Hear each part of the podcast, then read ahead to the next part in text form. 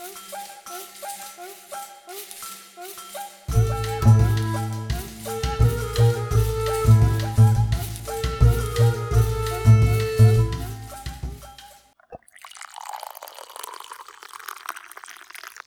Tym zalaniem kawy rozpoczynamy nasz podcast. E, Paweł Mirowski, dzień dobry Państwu, humanista przy kawie.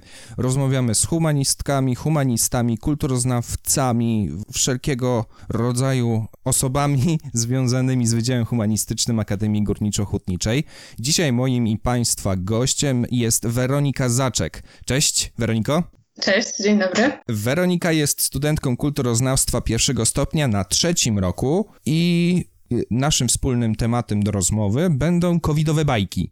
A covidowe bajki e, to nie tylko twory, które powstały specjalnie dlatego, że jest COVID i że mamy koronawirusa i że to jest twórczość artystyczna, nie tylko, ale to są wszelkie, to pod hasłem w ogóle, pod słowem bajek jest znacznie dużo więcej, e, ale to już może wyjaśni nam trochę Weronika, bo rozumiem, to było tak, że ty przygotowałaś ze swoim zespołem, tak na wstęp, wstępną historię, to była praca w ogóle na zajęcia. Jak najbardziej e, e, myślę, że warto wspomnieć e, tło powstawania i historii badań, które przeprowadzaliśmy, dlatego że praca, o której będę mówić, powstała w wyniku naszej pracy semestralnej na zajęcia u pani profesor Trzcińskiej, które to traktowały o mitologii popkultury i pojawił się właśnie pomysł pani profesor, aby stworzyć badania, które przeanalizują powstawanie bajek bajek w czasie pandemii. Tak też właśnie się stało. Miałam przyjemność e, być e, częścią e, grupy zajmującej się ikonografią. Dlatego też na wstępie zaznaczę, że moja opowieść dzisiejsza w głównej mierze będzie poświęcona właśnie tej części naszego projektu. Okej, okay, super. Powiedzmy może, kiedy to, co mi przekazałaś o covidowych bajkach, to można było rozdzielić tak właśnie na kilka kategorii. Po pierwsze, to były wersje, alternatywne wersje bajek, które wszyscy znamy i baśni. Tam, nie wiem, e, pojawiał się Kopciuszek, e, pojawiła się e, Czerwony Kapturek, który o, próbuje odwiedzić swoją babcię i tak dalej, i tak dalej. E, to już wspomniałem o tym, że pojawiły się specjalne bajki e, o samym COVID-zie i w ogóle bajki bardziej dla dorosłych. To są nadal bajkowe historie, ale z przekazem do starszego, dojrzalszego odbiorcy. No i zaraz obok można uplasować y, memy. Ja może, y, ja może tak wspomnę kilka takich y, rzeczy, które mi utkwiły w pamięci. Żeby się przygotować do tej rozmowy, to też chciałem zobaczyć, co, co tam przedstawiliście.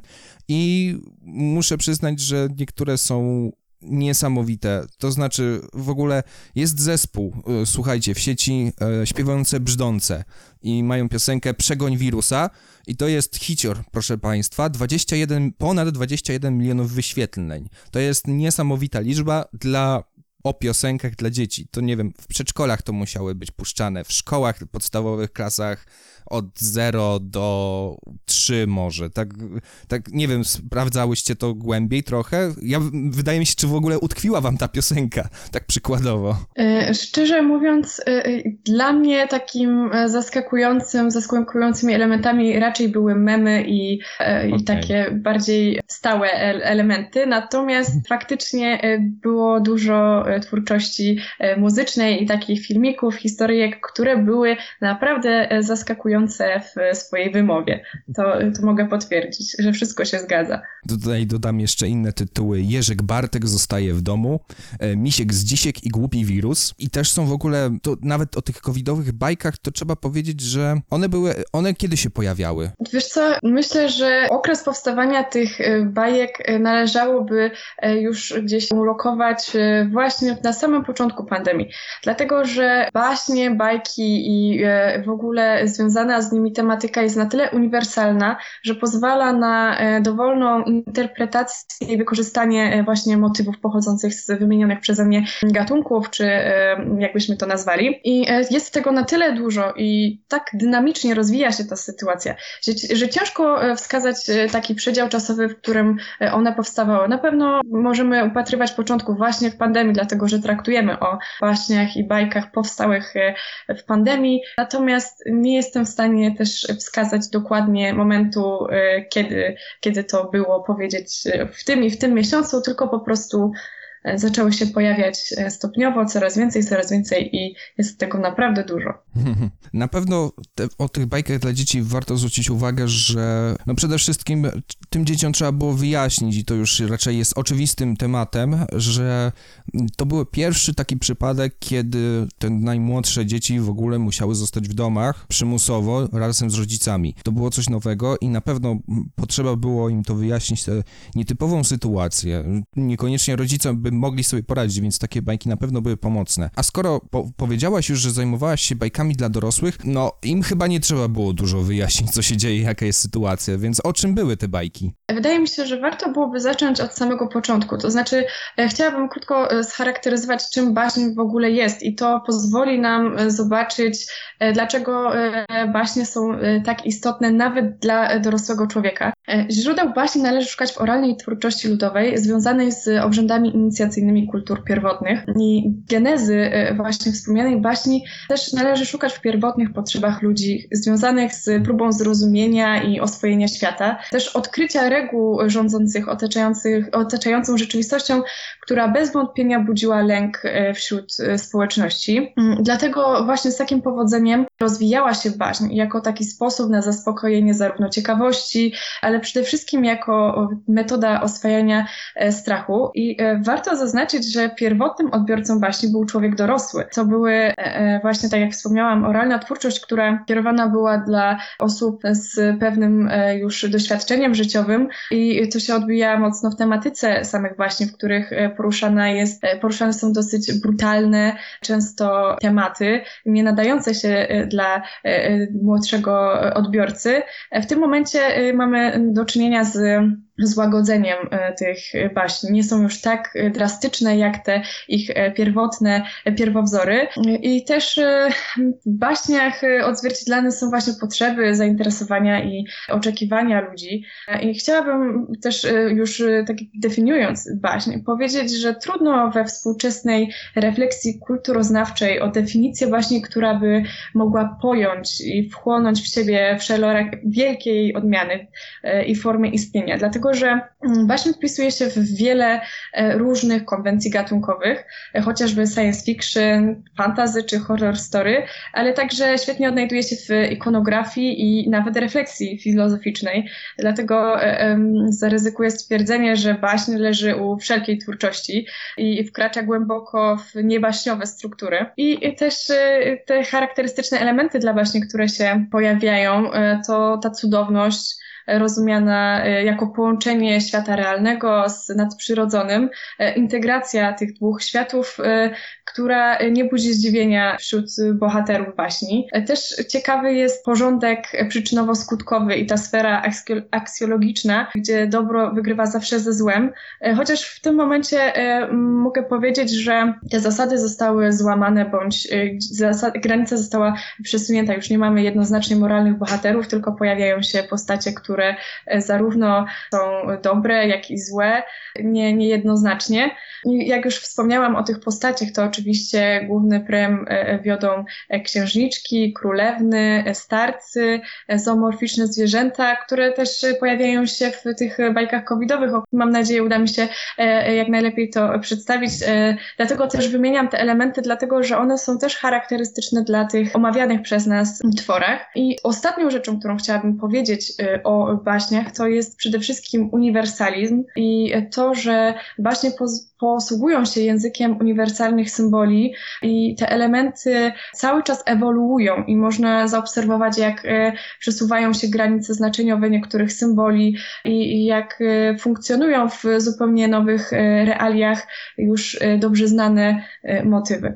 Mógłbyś przypomnieć pytanie wyjściowe, bo troszeczkę chyba zabrnęłam za daleko.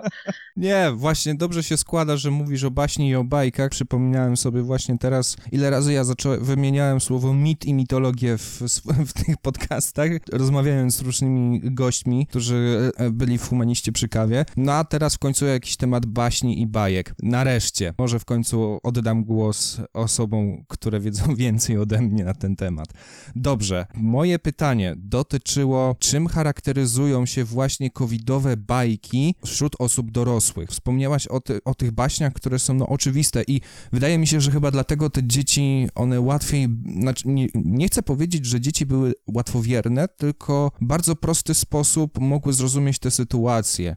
Natomiast wydaje mi się, że dorośli oczekują, oczekują czegoś więcej od takich e, historyjek. Tak, masz rację. Człowiek ciągle ma potrzebę słuchania historii, opowiadania i tłumaczenia, tłumaczenia sobie za ich pomocą różnych sytuacji. I wydaje mi się, że fenomen baśni i bajek polega na tym, że w sposób bezpieczny możemy zapoznawać się z sytuacjami dla nas trudnymi.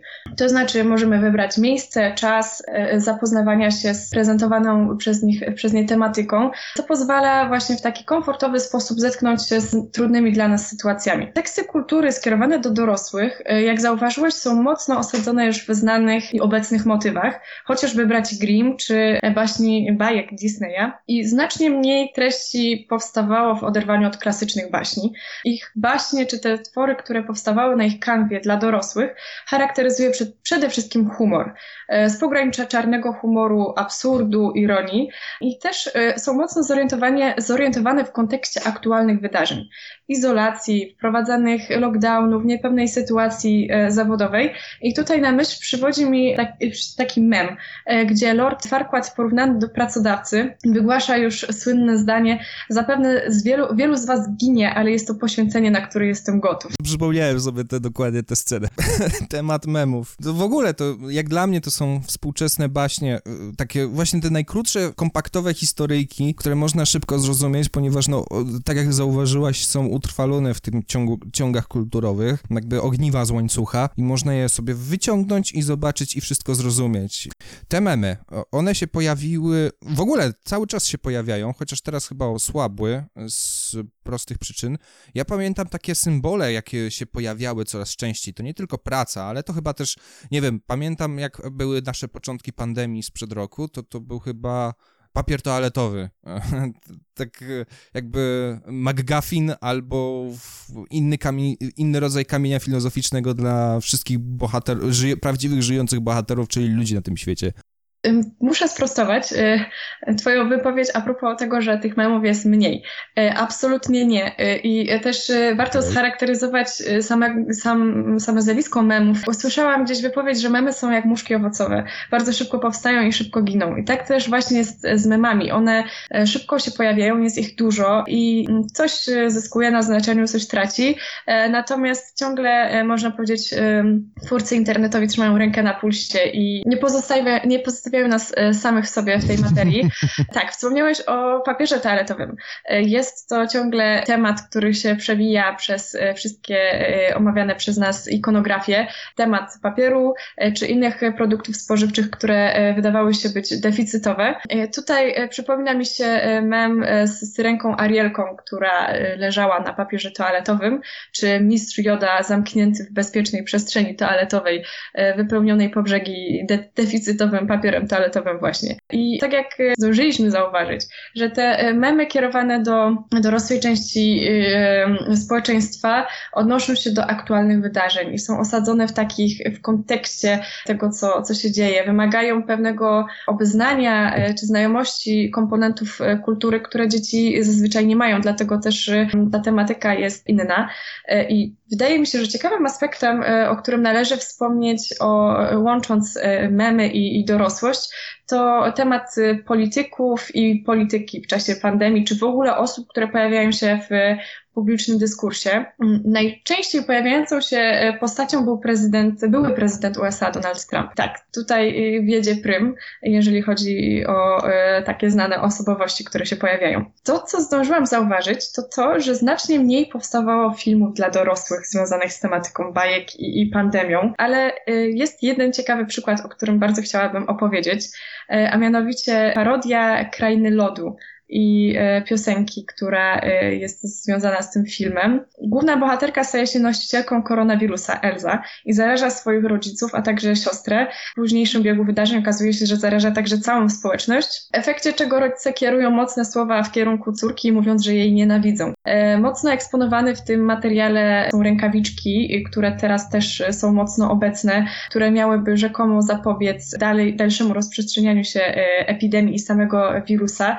Elza jest taką metaforą właśnie rozprzestrzeniania się e, epidemii, wirusa. Pojawia się temat izolacji i samotności. I elementem humorystycznym w tym filmiku e, ponownie e, jest Donald Trump, który pojawia się w jednym z ujęć. Cała wymowa tej parodii osadzona jest mocno w dramaturgii sytuacji, ale też pojawia się czarny humor. I mamy połączenie bajkowej scenerii, wydawać by się mogło pozytywnych ujęć, z dialogami, które wskazują na coś zupełnie innego. I te produkty przeznaczone dla dorosłych zawierają w sobie wiele emocji. E, I tak też się dzieje w e, przypadku tej e, produkcji. Mamy miłość, złość, tęsknotę, część zrezygnowania.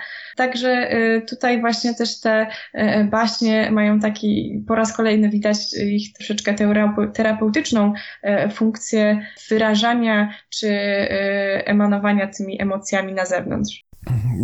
To jestem nawet zaskoczony, ponieważ właśnie miałem zanotowaną e, tę ironiczną wersję Krainy Lodu, czyli piosenkę Do You Also Have Corona, ale tutaj pokazałaś, że no, zresztą teraz młodzi dorośli to, to byli nastolatkowie, którzy cho chodzili jeszcze do, gim do szkoły gimnazjalnej i nagle pojawiała się Kraina Lodu, więc nie dziwota w sumie, że ona trafiła później do dorosłych odbiorców. Wydaje mi się, że te bajki Pixarowe i Disneyowskie zaczęły rozszerzać jakby swoich odbiorców, że to jest nie tylko dla dzieci jeszcze chciałem jednak wrócić do właśnie tego poważniejszego motywu, e, bo te metafory, które można było znaleźć w tych baśniach dla dorosłych, też nie tylko charakter terapeutyczny, ale chyba wyrażały też poważne te uczucia. Czy masz jakieś przykłady? Bo ja wiem, co chodzi mi po głowie, bo nawet to ma, utkwiło mi w pamięci, po prostu gdzieś widziałem też w sieci takie przykłady po prostu poważnych jakby memów i zastanawiam się, czy jesteśmy synchronizowani swoimi myślami.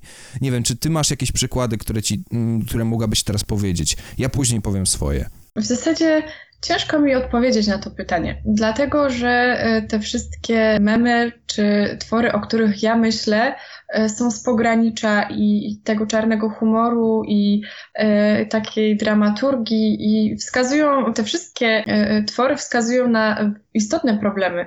E, dlatego e, w tym momencie chyba nie przychodzi mi do głowy e, mem, który byłby oderwany od tej warstwy humorystycznej. Nie, może źle powiedziałem, że chodzi o mem, bo to też ja troszkę rozszerzałbym trochę wątek też nawet od street, o street art, bo to też są przecież obrazy, które raczej tworzą dorośli dla dorosłego odbiorcy, żeby on zrozumiał ten przekaz.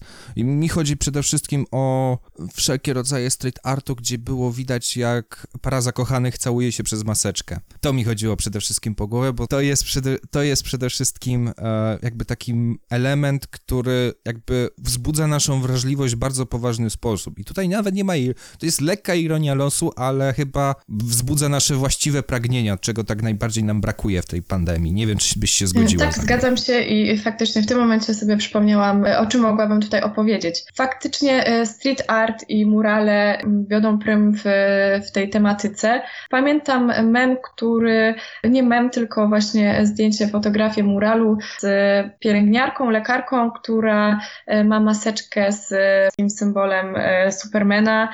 Pojawiają się lekarze ze skrzydłami, którzy mają utożsam, którzy utożsamiani są z bohaterami i osobami, które właśnie e, niosą e, jakąś nadzieję, czy może przyniosą powrót e, normalności, powiew normalności dzięki swojej pracy. Także masz rację, zdarzają się takie ikonografie, które wywierają na nas wrażenie i odwołują się do tych emocji niekoniecznie związanych z humorem czy ironią. Mam nadzieję właściwie, że te murale nie stracą na znaczeniu i faktycznie nasi nasza służba medyczna i zostanie faktycznie doceniona po tym tragicznym czasie. Oby w końcu był powrót do normalności. A tak jeszcze wróćmy do takich bardziej pragmatycznych rzeczy, to znaczy, czy ten temat w ogóle wszystkiego, całej twórczości w popkulturze, która pojawiała się związana z koronawirusem, z COVID-em, czy na innych zajęciach też, też zajmowaliście się w ogóle takimi tematami, że musieliście coś przeanalizować i przedstawić to na zajęciach? Również u pani profesor e, Trzcińskiej e, mieliśmy dwa równoległe kursy prowadzone przez panią profesor. E, rozmawialiśmy o komunikacji, antropologii komunikacji i tutaj faktycznie omawialiśmy komunikację ze strony pandemii, tym jak ciężko jest się w tym momencie komunikować, o szumach, które powstają w wyniku tejże komunikacji.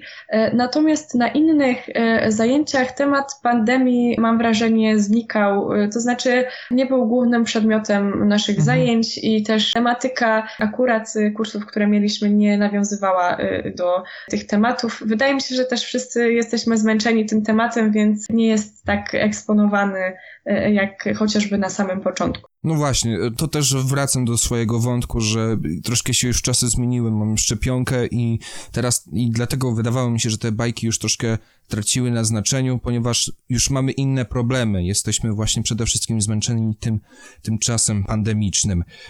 Powiedz mi jeszcze, jak ty pracowałaś ze swoimi koleżankami i kolegami, to teraz skupię się bezpośrednio na twoich przemyśleniach. Czy coś było w tych bajkach, czegoś ty się spodziewałaś, a czego nie było? Albo co byś chciała zobaczyć w tych bajkach? Tych, co przedstawiłaś, w tych, co analizowałaś, tych, co wybrałaś?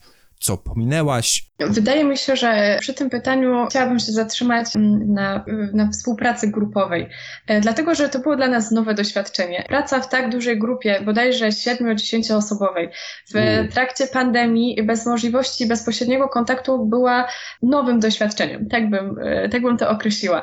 I ciężko było nam na początku znaleźć wspólny język, każdy inaczej podchodził do tego tematu, też przez pryzmat swoich doświadczeń e, związanych z pandemią.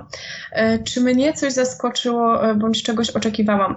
Mm, ciężko mi odpowiedzieć na to pytanie. Wydaje mi się, że e, baśnie są na tyle uniwersalne i śmiało mogę powiedzieć, że większość tematów została poruszona. I nie wydaje mi się, żebym miała jakieś oczekiwania. Nie, raczej, raczej wszystko, o czym mogłabym pomyśleć, zostało zawarte mi brakowało właśnie tych rzeczy w sytuacji, chociaż zresztą już wspomniałem o tym na samym początku, to znaczy teraz mi po głowie przyszło o wszystkich takich księżniczkach uwiezionych w wieży, a wspomniałem e, na samym początku o czerwonym kapturku, który nie może odwiedzić swojej babci. Także odpowiedziałem sam sobie na założony problem. nie wiem, czy możemy to zaknąć ten temat. Ja mogę opowiedzieć wam, ponieważ to też e, twój zespół przywołał na zajęcia, e, to jest wypowiedź irlandzkiego Ministerstwa za, Spraw Zagranicznych o przylocie świętego Mikołaja na, na święta Bożego Narodzenia do Irlandii i specjalnie minister podczas obrad parlamentarnych oficjalnie przed kamerą e, z pełną powagą poprosił o zwolnienie świętego Mikołaja z, z 14-dniowej kwarantanny ze względu na obecną sytuację. Uważam, że to jest niezwykły gest w stosunku do dzieci i to jest pełna dojrzałość chyba dla takich polityków i no po prostu chwyta za serce coś takiego, taka sytuacja. Nie wiem, czy ty się tym bezpośrednio zajmowałaś, bo jeśli tak, to dziękuję ci. Albo dziękuję tej osobie z zespołu. Niestety to nie była część e, mojej pracy, e, tak, ale też zwróciłam e, uwagę na to, na, na tą wypowiedź i również byłam przejęta tą sytuacją i takim ukłonem w stosunku do dzieci, który wykonał pan minister, dlatego że jak wiadomo dzieci inaczej pojmują to, co się dzieje i też to jest widoczne w tych bajkach, które powstały specjalnie dla nich, znacząco różnią się od tych, które są dla dorosłych i e, wydaje mi się, że, że dobrze, że wspomniałeś e, o tym przykładzie, dlatego że jest ważny. Tak jeszcze ostatni, ostatni temat na koniec covidowych bajek. E, zaraz przejdziemy do kolejnego tematu. Słuchaj, powiedz mi, czy w covidowych bajkach pojawiła się nowa symbolika albo nowa metafora? Mówiliśmy o już papierze toaletowym. Druga myśl to właśnie te rękawiczki i maski. Czy coś może zostało odwrócone? bardzo dużo nowych symboli powstało i zaskakującym symbolem, czy odwróceniem, e, redefinicją e, znanych symboli było dla mnie e, przedstawienie smoka, który z bestii stał się obrońcą i w tej samej materii mogłabym przywołać wilka, z czerwonego kapturka, który zazwyczaj kojarzy nam się negatywnie, utożsamia pewną jakąś siłę, raczej e, nieulęknioną postać.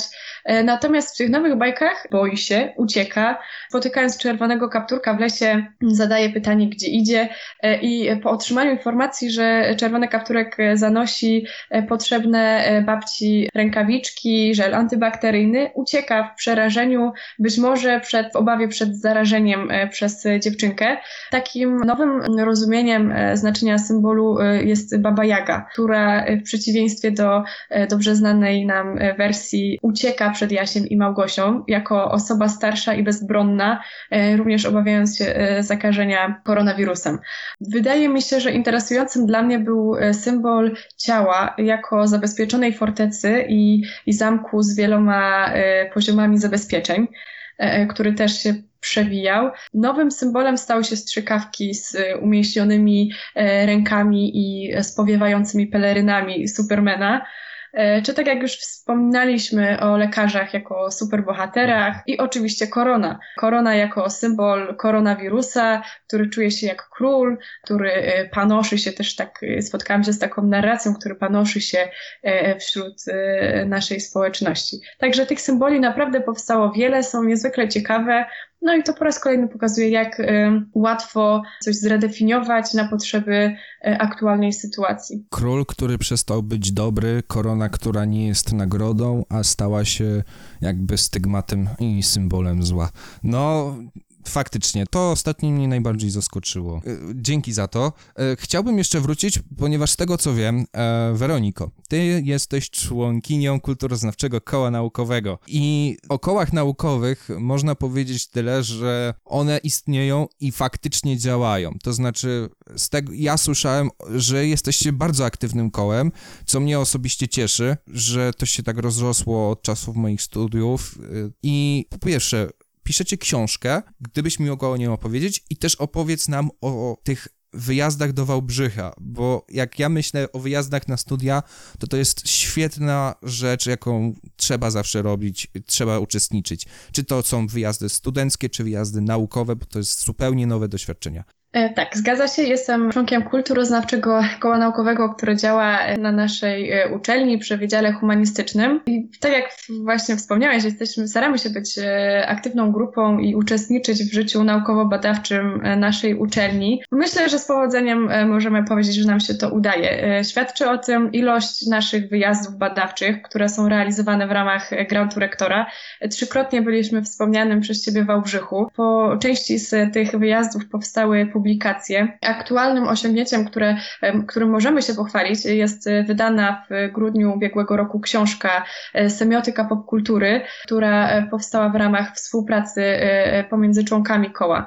Niestety pandemia zmusiła nas poniekąd do mm, przeorganizowania pracy koła, chociażby w kwestii organiz organizacji wykorzystania grantu, dlatego że mieliśmy po raz czwarty pojawić się w Obrzychu i to był główny cel naszego realizacji realizacji grantu. Niestety przez pandemię zostały ograniczone wyjazdy i e, szukaliśmy tematu zastępczego, w którym moglibyśmy się zrealizować i wpadliśmy na pomysł właśnie, żeby napisać książkę na podstawie naszych semestralnych prac zaliczeniowych, które e, pisaliśmy do pani profesor Skowronek e, na kurs semiotyki i Teraz y, możemy się e, pochwalić, że nasze prace e, zostały zwieńczone. Książka już jest w naszych rękach fizycznie. Możemy się e, cieszyć z ciężkiej, wykonanej przez nas pracy. Gratuluję serdecznie, ponieważ no, to jest duże osiągnięcie mieć własną monografię i też dlatego, że z mojego osobistego doświadczenia łatwiej mi było zajrzeć do książek niż do czasopism naukowych. Tak jakbyś,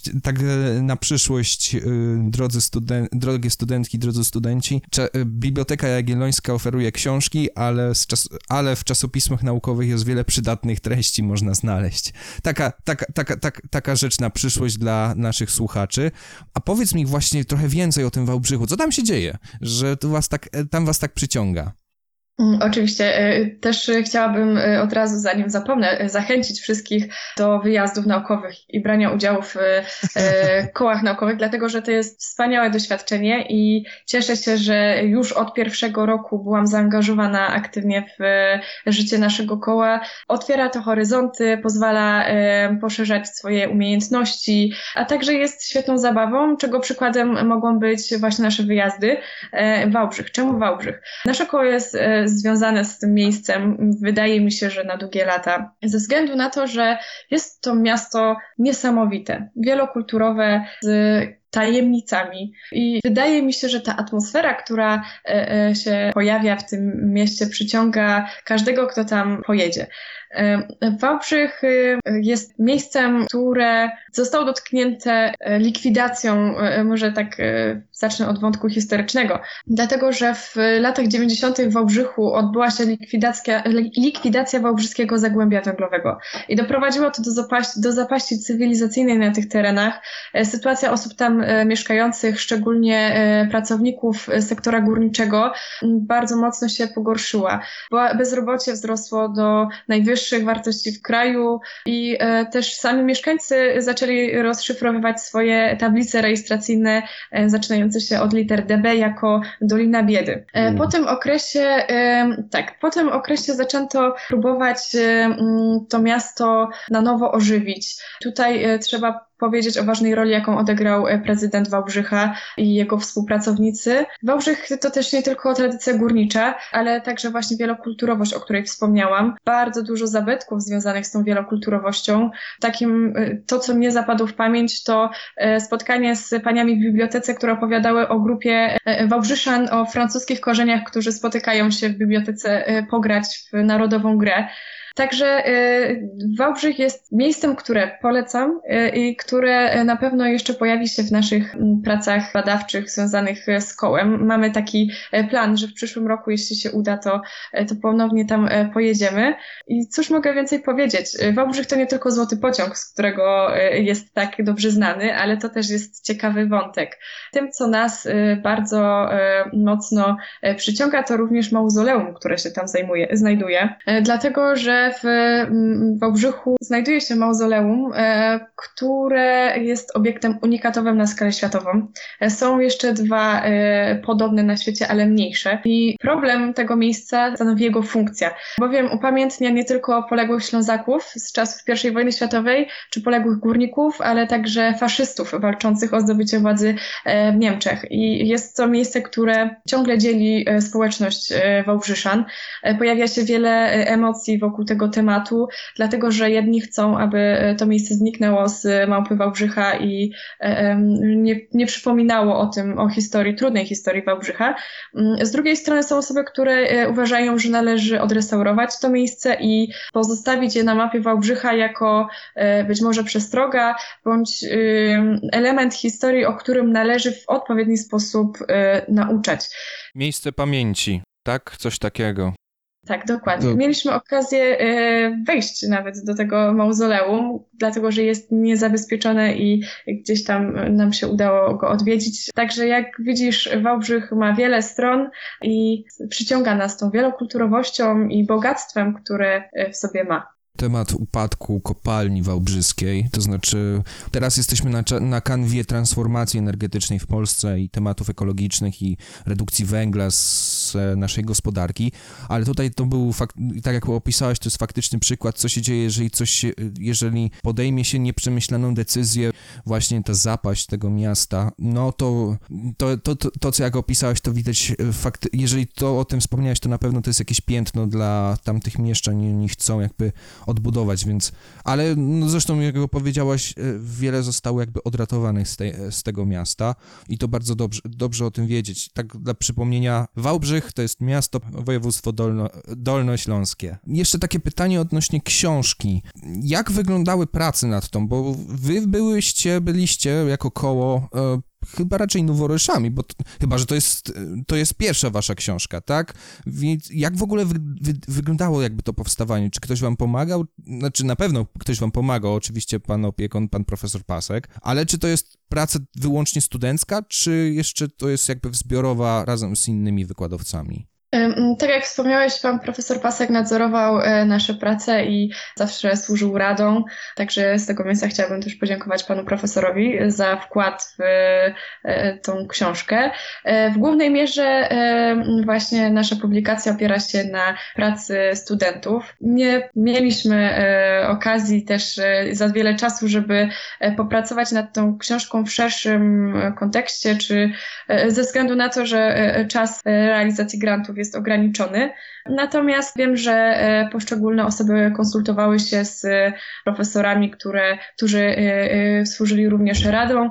Mieliśmy wspaniałych recenzentów, którzy zostali wymienieni w tej książce pochodzących właśnie z naszego wydziału. W głównej mierze opiera się ta publikacja na, na tym, co udało nam się wypracować właśnie na tym wspomnianym już przeze mnie kursie z panią profesor Skowronek ciężko się nam pracowało. Trzeba przyznać, że to też ta izolacja i brak kontaktu bezpośredniego utrudniał bardzo pracę. Na szczęście y, nie, y, nie rozsypało się, że tak powiem kolokwialnie i udało nam się podczas pandemii zachować jedność koła i spotykać się. Też przy okazji y, wspomnę, że pomimo tego, że mieliśmy dużo pracy związanej z książką, udało nam się przeprowadzić cykl spotkań internetowych w ramach koła, gdzie zapraszaliśmy gości, którzy opowiadali o fantastyce i, różnych jej i odmianach, i o różnych książkach. Mówiliśmy o Harrym Potterze, mówiliśmy o Grze o Tron.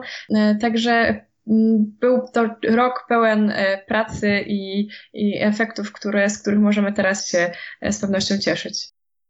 Ten rok się jeszcze nie skończył, jest, mamy dopiero kwiecień, do lipca jeszcze zostało raz, dwa, trzy, prawie trzy miesiące, chyba cztery nawet, ale widzę, że i tak to był pracowity rok, więc po tej publikacji też bym o tym myślał, żeby, dobra, to już przerwa, dajcie mi skończyć, e, dopisać ten licencjat i już święty spokój, chociaż zobaczymy, gdzie, gdzie cię no, nogi dalej poniosą. Ja już swoją kawę wypiłem, widziałem, coś słyszałem, że było jakieś przełykanie napoju jakiegoś, czy to była kawa, czy to była woda? Y, mnie dzisiaj y, troszeczkę oszukuje i w kubku zamiast kawy znalazła się woda, ze względu na to, że potrzebowałam kawy y, zaraz po przebudzeniu, więc tak przyznaję się do oszustwa i zamiast kawy mam wodę. Niczego nie żałuj. Kawa, także dzień zaczęłaś z kawą. Bardzo się z tego cieszę, jako, jako ktoś, który ciągle pije kawę, specjalnie dla tych podcastów i niespecjalnie. Także zakończyliśmy tematem kawy, tak samo jak rozpoczęliśmy ten podcast tematem kawy. Dziękuję serdecznie Ci za tę rozmowę. O covidowych bajkach, o kulturoznawczym kole naukowym opowiadała, mówiła, przedstawiała historię e, Weronika Zaczek, studentka kulturoznawstwa. Dzięki Ci bardzo. Dziękuję za zaproszenie, dziękuję za rozmowę. Mm, mam nadzieję, że poznaliście nieco głębiej historię covidowych bajek i sami poszukacie e, ich na własną rękę i dowiecie się, może, pod, może tego potrzebujecie, a może nie, a może chcecie się e, podzielić ciekawą, zabawną historią do opowiedzenia przy ognisku, jak to zwykle jest z bajkami. Do następnego, do następnego odcinka Humanisty przy kawie. Cześć!